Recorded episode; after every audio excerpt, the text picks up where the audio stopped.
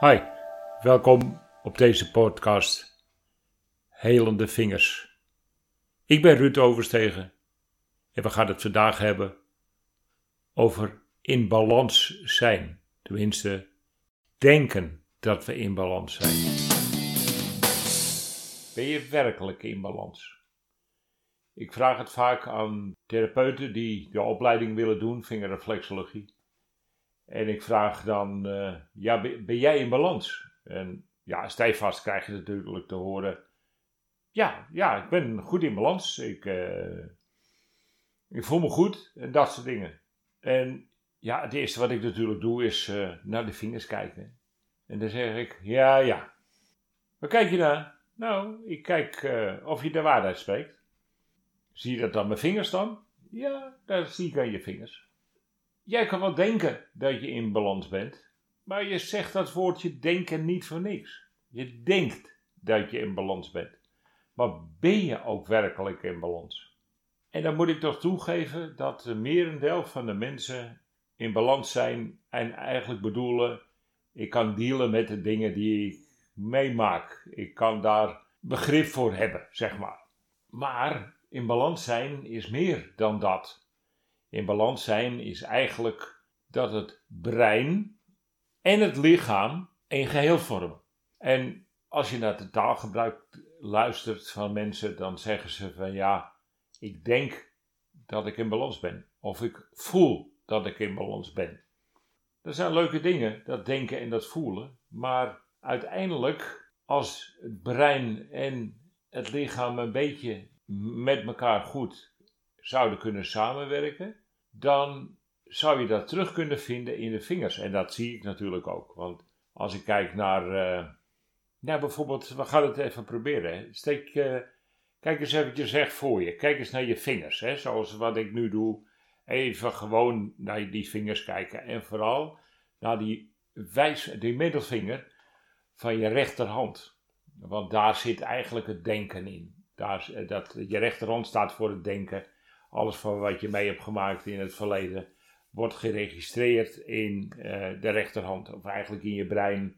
Maar het brein staat in verbinding met de rechterhand. En vandaar die rechterhand die ik je vraag. De linkerhand staat voor de toekomst, voor de intuïtie, voor het zeker weten, voor ja, dat machtige gevoel, voor als je niet meer in je denken hoeft te zitten en alles automatisch vanuit de spirit ingegeven wordt op links, zeg maar. Als we dan naar de vingers kijken, dan blijkt toch dat het topje van die middelvinger iets geheld is naar de pink. En dan zeg ik toch, je denkt inderdaad dat je in balans bent, maar het lichaam denkt daar anders over. Je lichaam denkt helemaal niet dat je in balans bent. Zeker niet. Hij laat zien dat je niet in balans bent. Want als je in balans zou zijn, dan staan die vingers gewoon recht. Dan staat het vingertopje werkelijk precies in lijn met die vingers. En ik kan het je nog duidelijker maken door naar die linkerhand te kijken. Want over het algemeen zijn die mensen die dus, waar ze zeggen in balans te zijn, dat die dat puntje overhelt, dan helpt dat puntje van de middelvinger op de linkerhand ook over. In dit geval de linkerhand. En zo ben je dus in balans. Deze wijkt iets af en die wijkt, wijkt iets af maar ze wijken van elkaar. Oftewel, er is een verscheuring tussen, tussen uh, brein en lichaam, of geest en lichaam, hoe je het maar uh, kan uh, formuleren, hoe jij denkt dat het het lekkerste werkt. Maar in ieder geval is er geen samenwerking tussen je brein en het lichaam. En ja, dat willen we. We willen natuurlijk het liefst in elke eh, situatie natuurlijk heerlijk in balans zijn. Ik kan de dag weer aan, of ik kan het uh, handelen, of, maar ook dat lichaam en geest goed samenwerken. Dat je vanuit het universum eigenlijk je antwoorden geeft en niet vanuit de geleerde structuren die je op je pad hebt gaan krijgen door bijvoorbeeld de cursus te gaan volgen. Want ook bij mijn cursus, hè, vingerreflexologie, geef ik niet aan, je moet precies doen wat ik zeg. Hè. Je krijgt dus een stappenplan waarin je gaat verhandelen wat je doen moet. Hè. Uh, want uh, als je dat zou kunnen, denk jij dat je lekker in balans bent. Maar ik vind juist dat je niet zozeer naar mijn stappenplan moet luisteren, maar moet snappen hoe, een, hoe dat met elkaar samenwerkt. Hoe je eigenlijk zonder stappenplan ook tot het goede eind kan komen door je intuïtie te gebruiken en niet je kennis van het geleerde uit wat je in de afgelopen jaren hebt geleerd. Want het is gewoon iets wat je van een ander hebt geleerd. Hè? Bijvoorbeeld van mij of van een ander. En dan doe je ook dat het brein en het lichaam niet echt goed samenwerkt. Want je doet wat het brein zegt. En dat lichaam volgt natuurlijk wel. Maar dat is niet in echt een goede balans. Een echte goede balans is werkelijk dat je vanuit het, proces luistert naar zowel het lichaam als je brein. We kunnen daar een hele hoop uh, in veranderen. Hè. Normaal doe ik daar een, uh, heb ik daar in een behandeling praten we over hoe je in uh, hoe je zo bent gekomen hè?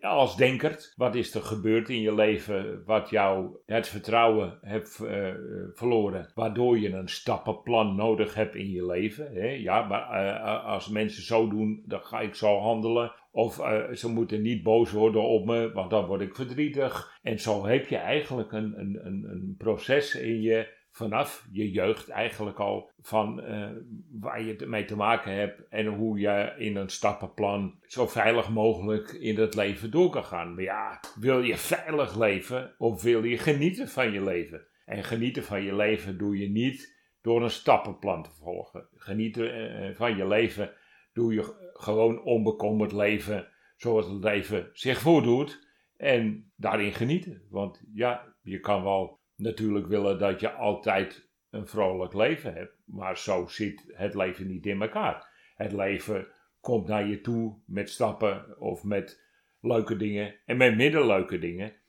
En het is in jou om daar zo gunstig mogelijk in balans mee om te gaan. En niet om te zeggen, ja, dit wil ik wel, dit wil ik niet. Want dan heb je er weer grip op. Maar het ergste is, vind ik altijd, ook dit verhaal eigenlijk, als mensen niet echt in balans zijn, terwijl ze denken in balans te zijn, dan gebruiken ze dat denken ook in hun intuïtie. Dus zodra de intuïtie naar boven komt, met iets moois, iets grappigs, iets wat er gebeurt, of iets wat er zou kunnen gebeuren, dan opeens, of niet opeens, maar daardoor zit ook het brein te denken over je stappen die in de toekomst uh, komt. Maar bedenk dat alle denken wat je doet, te maken heeft met een relatie met dat wat je eerder hebt meegemaakt. Uh, Eigenlijk gaat het brein terug in tijd en jou met een emotioneel gevoel koppelen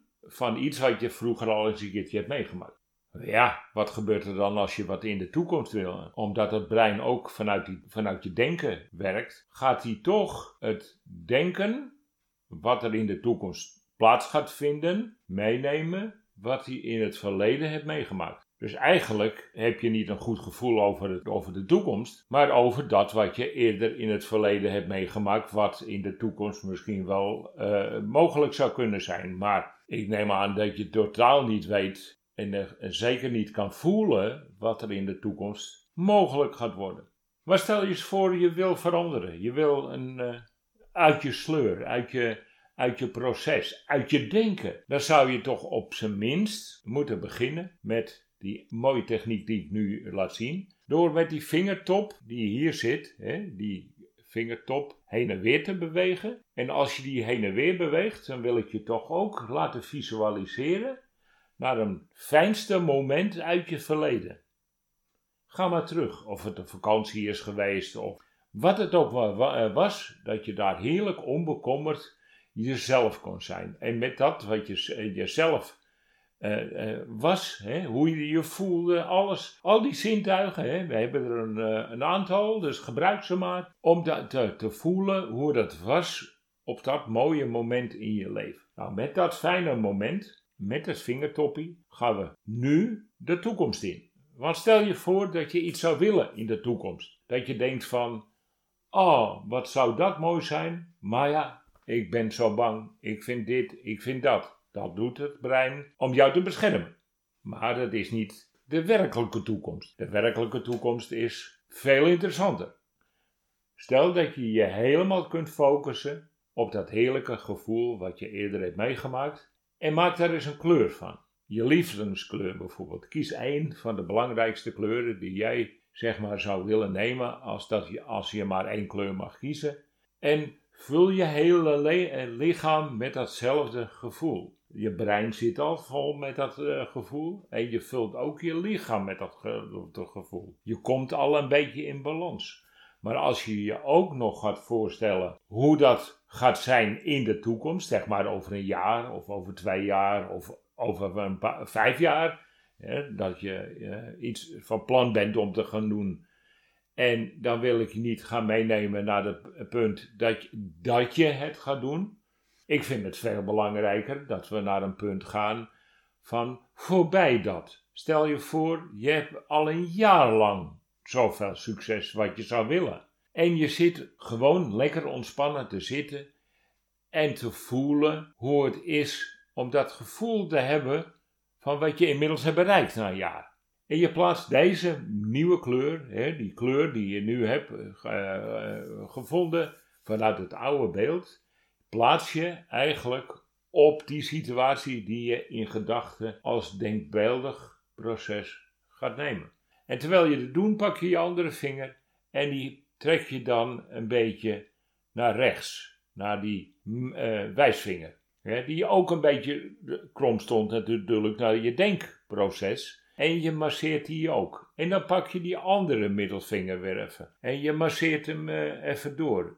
Vier, vijf keer. En je pakt hem weer terwijl je met in gedachten voelt, met je ogen open of met je ogen dicht, hoe dat dan voelt als je echt bereikt hebt wat je bereikt hebt. Hoe mooi is dat om dat voor elkaar te krijgen? Hoe gelukkig word je ervan? En welke rijkdommen heb je er al? Is dat geld? Is dat relaties? Zijn dat mensen om je heen? Is het succesvolle zalen? Kijk, maakt mij niet uit. Maar elke keer als je in gedachten bent, de toekomst in, voorbij dat wat je halen wil, ga je heerlijk genieten met die hele kleur van zowel in je hoofd als in je lichaam. En je ademt rustig door. Je kan voorstellen hoe je die toekomst voor je kan zien. Want bedenk dat die toekomst niet met je gedachten gaat gebeuren, maar met je actie die je gaat nemen. Dus je kunt ook voorstellen dat je zodra je een actie neemt en je bent een beetje onzeker in je proces, hè, de aankomende acties, als je zak gaat beginnen, dan hoef je alleen maar even die vingertoppen te pakken en je brein, die heb best wel onthouden wat je vandaag bijvoorbeeld gedaan hebt met die vingers. Dus die koppelt ook meteen dat, die prachtige kleur van jou, hè, jouw, jouw krachtkleur zeg maar, op die situatie. En in plaats van dat je je druk gaat maken over wat, oh, wat kom ik allemaal tegen en ik word onzeker, ben je bezig in gedachten met je stappen te zetten naar het proces. En bedenk dat je niet in je denken in balans bent, maar dat je in balans bent op het moment dat lichaam en geest in harmonie is, in werkelijke balans, zodat je hoofd rust heeft. Daarom staan die vingers krom, omdat zelfs het denken, het gevoel van het proces, als de toekomst die nog bedacht moet gaan worden, al overuren gaan maken door jouw denkproces. Het is niet voor niks dat er zoveel mensen zijn die op jonge leeftijd al met een burn-out zitten. Dat komt natuurlijk doordat het brein zo uh, hard bezig is met rekening houden met dat, met dat, met dat. En als je ook nog lichamelijk zwaar werk hebt, dan is er echt geen goed balans meer te vinden. Er is zelfs niet meer rust te vinden. Je vindt je rust niet meer in je slaap, niet meer in je dagelijkse bezigheden. Dus het wordt op dat moment allemaal veel te veel. Vooruitkijken, je lievelingskleur oppakken en bedenken wat het over een jaar of twee jaar of over een paar maanden al en misschien over een maand al uh, moet zou zijn. Als er een hobbel in de weg zit. En ik gebruikte dat vroeger elke keer als ik een hobbel had, als er weer wat gebeurd was. Dan keek ik niet, oh wat moet ik doen in die hobbel? Nee, wat gebeurt er nadat die hobbel geweest is? Wat gebeurt er na? Hè, dus als er een examen is, zwaar examen, weet ik het allemaal wel. En dan denk ik, oh nee, ik zoek mijn rust. Ik pak mijn vingers, mijn middelvingers, en ik masseer het.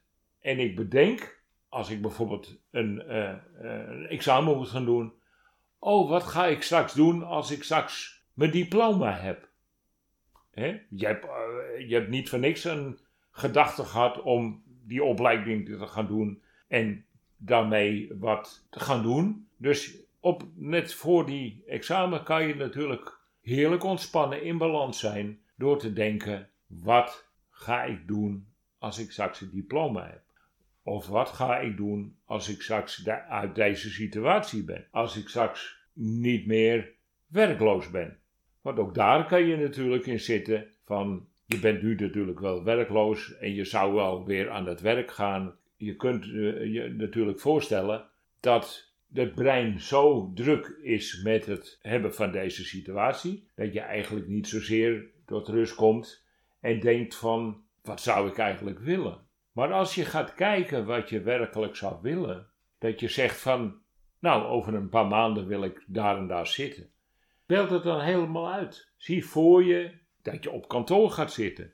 Met wat voor mensen wil je op kantoor zitten? Hoe wil je dat uitvoeren? Hoe wil je dat doen? Zal, je zal merken dat het ook door het bewegen van die vingers, dat er een meer intuïtief gevoel naar boven komt en jou een stap laat zetten die toevallig gaat leiden tot die weg die je zou willen. Het is een soort synchroniciteit en uh, het is het koppelen van jouw gedachten met de werkelijkheid die nog moet komen, die jij gaat creëren. En dat klinkt een beetje bizar, maar zo help ik veel mensen die eigenlijk niet weten wat ze willen. Maar dat komt natuurlijk omdat er zoveel opties zijn. Je weet ook helemaal niet wat je wil. Maar als je werkelijk een paar keer gaat trainen op het feit, ja, maar wat, wat, wat, hoe zou het zijn op zo'n zo'n, ja, in zo'n situatie? Hoe, hoe, zou het zijn als uh, vuilnisman? Wat moet je dan allemaal doen? Hoe zou het zijn als advocaat? Wat, wat moet je dan allemaal doen? Wat, is het wel interessant? Hoe zou het zijn als coach? Wil je wel lastige klanten hebben? Of wil je wel mensen helpen? Maar vind je dat zakelijke gebeuren niks? En een heel hoop therapeuten die zijn natuurlijk fantastisch in het helpen van mensen. Maar niet uh, in het helpen van zichzelf door een, hele booming business neer te zetten. Ja, ze zijn alleen maar gewend om, om, om, om mensen tevreden te zijn, om hun klachten op te lossen.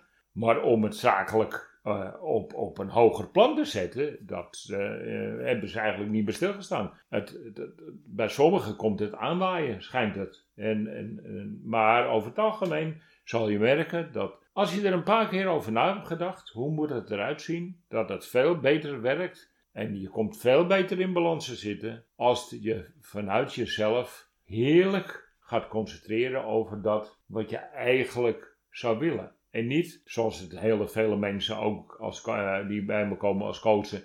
Ja, maar dit wil ik niet, dit wil ik niet, dit wil ik niet. Ze weten wel wat ze niet willen, wat dat hebben ze in hun leven wel meegemaakt, waardoor ze een nagevoel uh, krijgen waarom ze dat niet meer willen.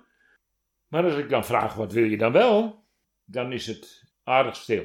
En dit is juist die stilte die ervoor zorgt dat je op gedachten kan komen hoe het zou kunnen zijn. Hoi, ik ben uh, Ruud Overstegen en dit was een podcast van Helende Vingers. Tot de volgende keer.